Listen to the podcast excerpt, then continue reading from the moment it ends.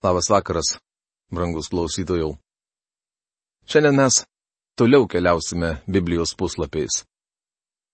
Praėjusioje laidoje mes užbaigėme nagrinėti pirmąjį laišką korintiečiams. Tai yra Naujojo testamento knyga.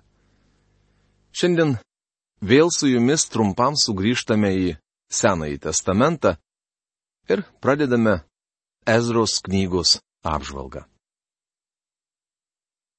Šios knygos autorius - Ezra.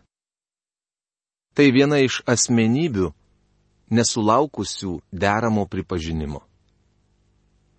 Ezra buvo vyriausiojo kunigo Helkijos, karaliaus Jošijo valdymo laikais radusio įstatymo knygą, apie tai rašoma metraščių antroje knygoje, 34 skyriuje 14 eilutėje, palikuonis. O apie tai rašoma Ezros knygos septintos skyriaus pirmoje eilutėje. Kunigas Ezra Babilonijos tremties metu tarnauti negalėjo, nes tuo metu šventykla buvo sugriauta. Vis dėlto jis tyrinėjo Dievo žodį. Ezros septintos skyriaus šeštoje eilutėje skaitome, kad jis buvo raštininkas, žinovas Mozės įstatymų. Ezra taip pat buvo didis religinio gyvenimo atnaujintojas ir reformatorius. Kai jis ėmė žmonėms skaityti Dievo žodį, prasidėjo prabudimas. Tuo įsitikinsime, nagrinėdami Nehemijo aštuntą skyrių.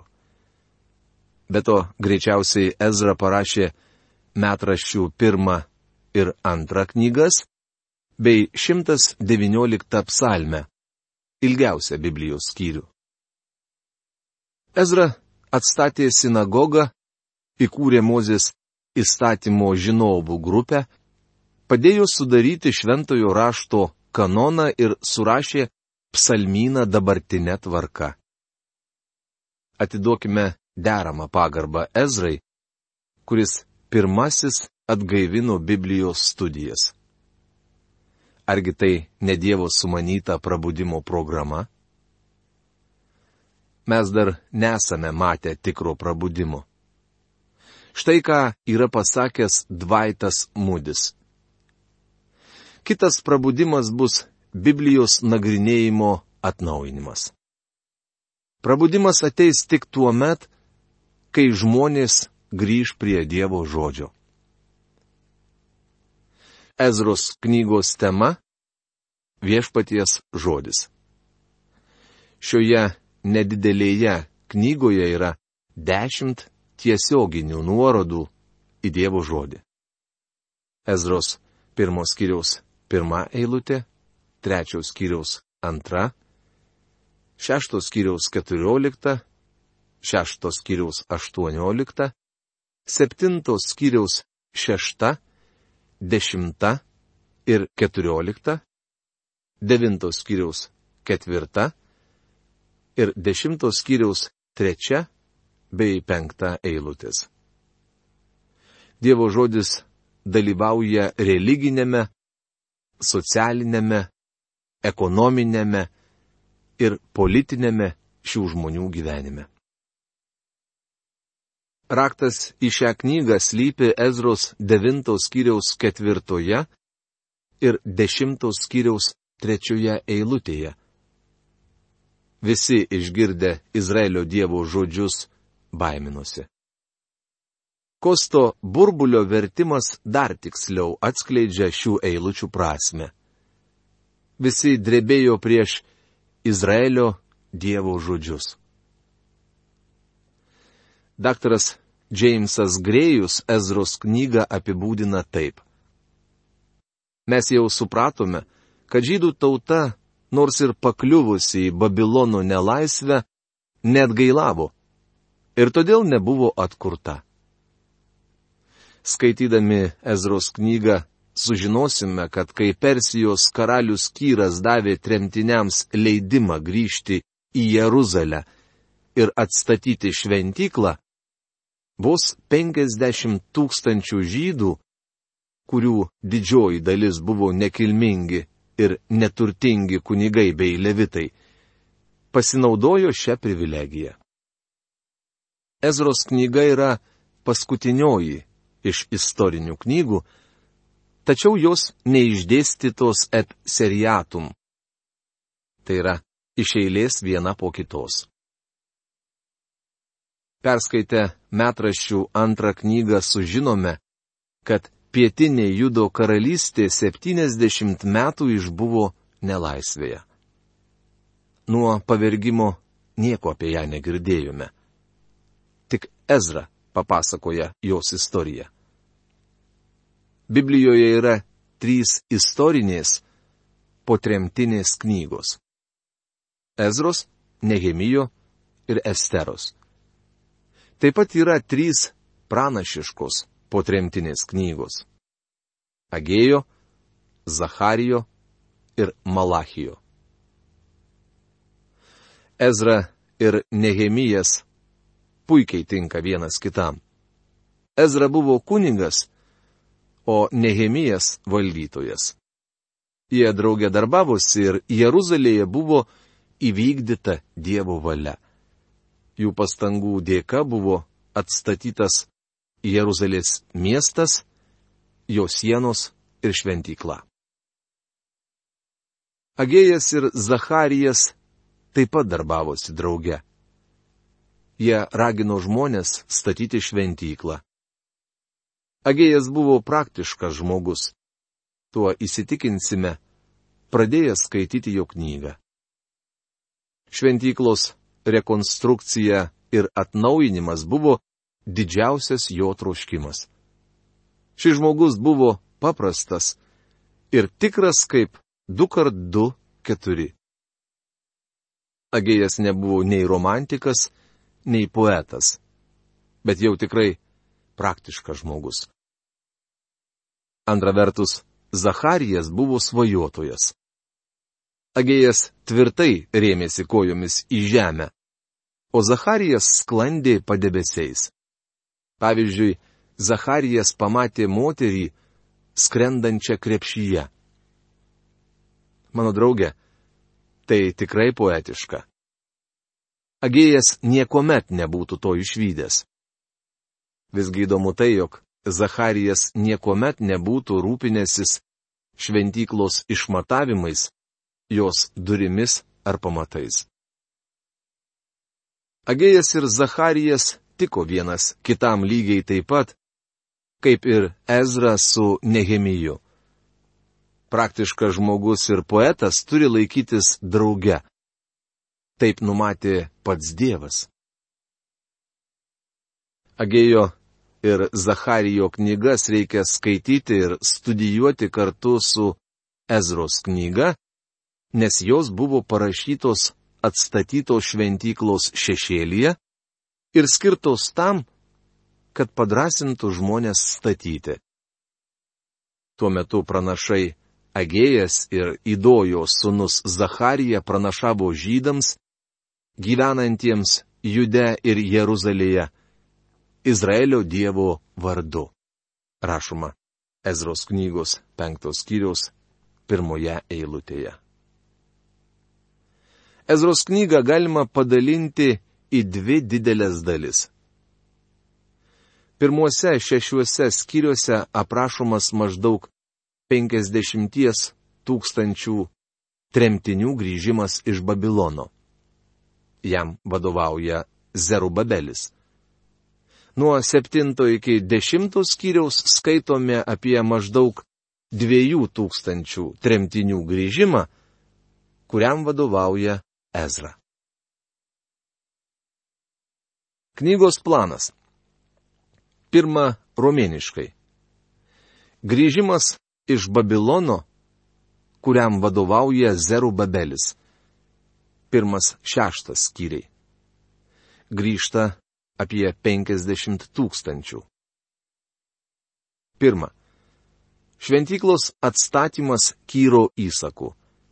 Pirmas skyrius. Antra. Grįžimas, kuriam vadovauja Zerubabelis. Antras skyrius. Trečia. Aukuro atstatymas. Trečias skyrius. Ketvirta. Priešininkai trukdo šventyklos atstatymui. Ketvirtas skyrius. Artakserkso laiškas. Ir penkta. Šventyklos atstatymo atnaujinimas. Penktas, šeštas skyriai. Darijaus įsakymas. Antra romėniškai. Grįžimas iš Babilono su Ezra. Septintas, dešimtas skyriai. Grįžta apie du tūkstančiai. Pirma. Grįžimas, vadovaujant Ezrai, septintas, aštuntas skyriai. Ir antra. Reformacija prie Ezros. Devintas, dešimtas skyriai. Taigi, Ezros knyga. Pirmas, antras skyriai. Tema - Įsakas ir likučio grįžimas į Jeruzalę. Kyro įsakas - atstatyti šventyklą. Pirmais Persijos karaliaus Kyro metais, kad būtų įvykdytas per Jeremiją tartas viešpatie žodis, viešpats įkvėpė Persijos karalių Kyrą visai karalystiai ir žodžiu, ir raštu paskelbti tokį įsaką. Ezros knyga pirmas skyrius, pirma eilutė. Pastebėkite, kad Ezra iš karto pabrėžia Dievo žodį. Taip pat paminėtas Persijos karalius Kyras. Jis buvo vienas iš labiausiai apsišvietusių antikinio pasaulio valdovų. Kyras buvo įvyksiančios pranašystės subjektas. Jis paminėtas dar prieš jam gimstant. Likus beveik dviems šimtams metų iki to laiko, kai tapo Persijos karaliumi. Izaijo 44 skyriaus 28 eilutėje skaitome. Aš, tas, kuris tarė kyrui, tu mano kerdžius Visa, ką aš noriu, jis įvykdys. Jis tars Jeruzaliai, būk atstatyta. O apie šventyklą sakys, te būna dedami pamatai. Toliau pranašas tęsė Izaijo 45 skyriaus pirmoje eilutėje. Taip kalba viešpats Kyrui, savo pateptajam, kurį jis paėmė už dešinės rankos, kad pajungtų jam tautas ir nuginkluotų karalius, kad atvertų jam duris ir vartai būtų atsklesti. Kyras yra Kristaus simbolis. Danielius buvo ministras pirmininkas Kyro karališkojo dvaro rūmose ir nebejotinai papasakojo jam apie gyvąjį tikrąjį Dievą. Kyras žinojo, ką daras, kai parašė įsaką skelbentį, kad Izraelio tauta gali grįžti į savo šalį. Mes sužinome, jog taip buvo įvykdyta Dievo valia. Ši pranašystė iš tiesų išsipildė. Kaip tik valdant Kyrui Danielius užrašė didžiausias savo pranašystes įskaitant ir 70 savaičių pranašystę Izraeliui. Mažiausiai ketvirtadalis Biblijos buvo pranašiškas tuo metu, kai ji buvo apreikšta. Didelė jos dalis jau išsipildė. Ezros pirmos kiriaus pirma eilutė yra viena iš tų šventojo rašto vietų, kurios jau įvyko. Daugiau nei trys šimtai pranašyščių apie pirmąjį Kristaus ateimą jau išsipildė tiesioginė prasme. Yra tų, kurie tvirtina, jog daugiau nei 300 pranašyščių kalba apie antrąjį Kristaus ateimą, bet aš asmeniškai nesu jų skaičiavęs. Kristaus gimimas buvo numatytas Senajame testamente ir apie jį buvo pranašaujami keturi dalykai. Pirmasis. Jėzus turėjo gimti Betliejuje, Michėjo penktos kiriaus antra eilutė. Antrasis. Jis privalėjo būti vadinamas Nazariečiu.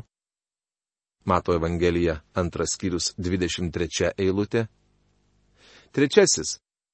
Jis turėjo būti pašauktas iš Egipto. Ozėjo 11 skyriaus pirmą eilutę. Ketvirtasis. Ramoje, mažame miestelėje netoli Jeruzalės, turėjo girdėtis raudojimas. Jeremijo knygos 31 skyriaus 15 eilutė. Matas vienoje vietoje surašo šias vietas ir pateikia mums Kalėdų istoriją. Antras Mato skyrius aprašo ne ką kitą kaip išsipildžiusią pranašystę. Ezros pirmos skyriaus pirma eilutė taip pat išsipildžiusi pranašystė. Praėjus 70 nelaisvės metų buvo išleistas įsakas ir Izraelio vaikai galėjo grįžti į savo šalį. Vis dėlto sugrįžo tik nedaugelis. Taip kalbėjo Persijos karalius Kyras. Viešpats dangaus Dievas atidavė man visas žemės karalystės ir pavedė man pastatyti jam namus Jeruzalėje, kuri yra jude. Ezros knygos pirmos skyriaus antra eilutė. Kyro įsakas nepaprastai svarbus. Visų pirma, Kyras paminėjo, jog jam atiduotos visos žemės karalystės. Kai kas gali paklausti, nejaugi ir Junktinės Amerikos valstijos? Noriu pasakyti, jog tuo metu Junktinės valstijos nebuvo labai įdomi vieta. Amerika nebuvo karalystė, o Kyras kalbėjo apie karalystės, kurios egzistavo jo karaliavimo metu. Kyras buvo centrinė figūra. Viešpats dangaus Dievas atidavė man. Jis buvo įtakingiausias valdovas. Karalius suvokė, kad Dievas jam suteikė tokią didelę valdžią. Įdomu, kiek šiandien pasaulio valdovų pripažįsta esą Dievo tarnai. Nesvarbu, ar jie tai žino, tačiau valdžią jiems suteikė Dievas. Norėčiau, kad atkreiptumėte dėmesį į frazę viešpats dangaus Dievas. Būtent Ezra, Nehemijas ir Danielius taip vadina Dievą. Tokią frazę rasite tik pradėjęs skaityti jų knygas. Matote, žlugus Jeruzaliai, Dievas daugiau nebegalėjo būti tapatinamas su šventykla, kurioje jis gyveno tarp cherubinų. Šlovė pasitraukė, Todėl ant Izraelio herbo skydo buvo užrašyta įkabodas. O tai reiškia, šlovė pasitraukė iš Izraelio. Ezekielis regėjime matė, kaip pasitraukė Dievo buvimo Šechinach šlovė. Dėl to po tremtinėse knygose jis vadinamas viešpačiu dangaus dievu. Ezekielis regėjo, kaip iš Jeruzalės šventyklos pasitraukė Dievo šlovė. Jį pakilo virš šventyklos ir staptelėjo, vildamasi, kad Dievo žmonės grįž pas jį ir nusisuks nuo stabų. Tačiau jie negryžo. Dievo šlovė pakilo virš miesto, virš miesto sienų ir vėl staptelėjo. Tačiau žmonės neatsigrėžė į Dievą. Tuomet Dievo buvimo Šechinach šlovė pakilo virš alyvų kalno ir vėliai laukė. Vis dėlto niekas neatsigrėžė į Dievą. Todėl šlovė buvo paimta į dangų ir niekas daugiau jos nebematė. Vieną dieną į šventyklą įžengė tas, kuris ryštingai iš virvučių nusivijo rimbą ir išvalė šventyklą. Tai aprašyta Jono Evangelijos antrajame skyriuje. Nors Dievo buvimo šlovė liko neregima, buvo pridengta žmogaus kūnu, vis dėlto jis buvo Dievas. Atėjęs į žemę, Kristus paliko savo šlovę, tačiau buvo tikras Dievas ir tikras žmogus. Kadangi jo šlovė liko paslėpta, jis buvo atmestas ir nukryžiuotas. Žmonės jį nukryžiavo, tačiau jis karalius. Evangelijoje pagal matą skaitome, kad jis gimė karaliumi. Gyveno kaip karalius kaip karalius darė stebuklus, kaip karalius mokė, buvo suimtas kaip karalius, teisiamas kaip karalius ir mirė kaip karalius. Jėzus Kristus buvo palaidotas kaip karalius, prisikėlė kaip karalius ir kaip karalius įžengė atgal į dangų. Vieną dieną jis vėl sugrįž kaip karalius. Jis karalių karalius ir viešpačių viešpats. Šiandien jis viešpats dangaus dievas. Neieškok jo Betlėjuje, jis danguje, Dievo dešinėje. Kai Dievo buvimo šlovė pasitraukė iš žemės, Dievas atidavė savo žmonės į pagonių rankas ir pasiuntė juos į Babilonijos vergystę. Jis panaikino Izraelio teokratiją ir tapo dangaus dievu. Jis toks ir pasilieka savo tautai iki to laiko, kol sugrįž į Jeruzalę vėl įtvirtinti savo sostą kaip visos žemės viešpats. Tuomet Jeruzalė bus didžiojo karaliaus miestas. Grįžtant prie antrosios Ezros knygos eilutės, Atkreipkite dėmesį, kad Kyras labai užtikrintai pasakė, jis pavedė man pastatyti jam namus Jeruzalėje. Žodis pavedė reiškia, kad Dievas jam liepė tai padaryti. Tai nuostabu, ypač kai prisimename, jog Kyras tuo metu buvo pagonių pasaulio valdovas. Akivaizdu, kad būtent pranašo Danieliaus tarnavimo dėka Kyras sužinojo apie gyvąjį ir tikrąjį Dievą. Taigi Kyras leidžia Babilonijos tremtyje esantiems žydams grįžti į Jeruzalę. Bet tai mes žiūrėsime jau kitoje laidoje. O šiandien savo laidą baigėme. Iki malonaus susitikimo. Sudė.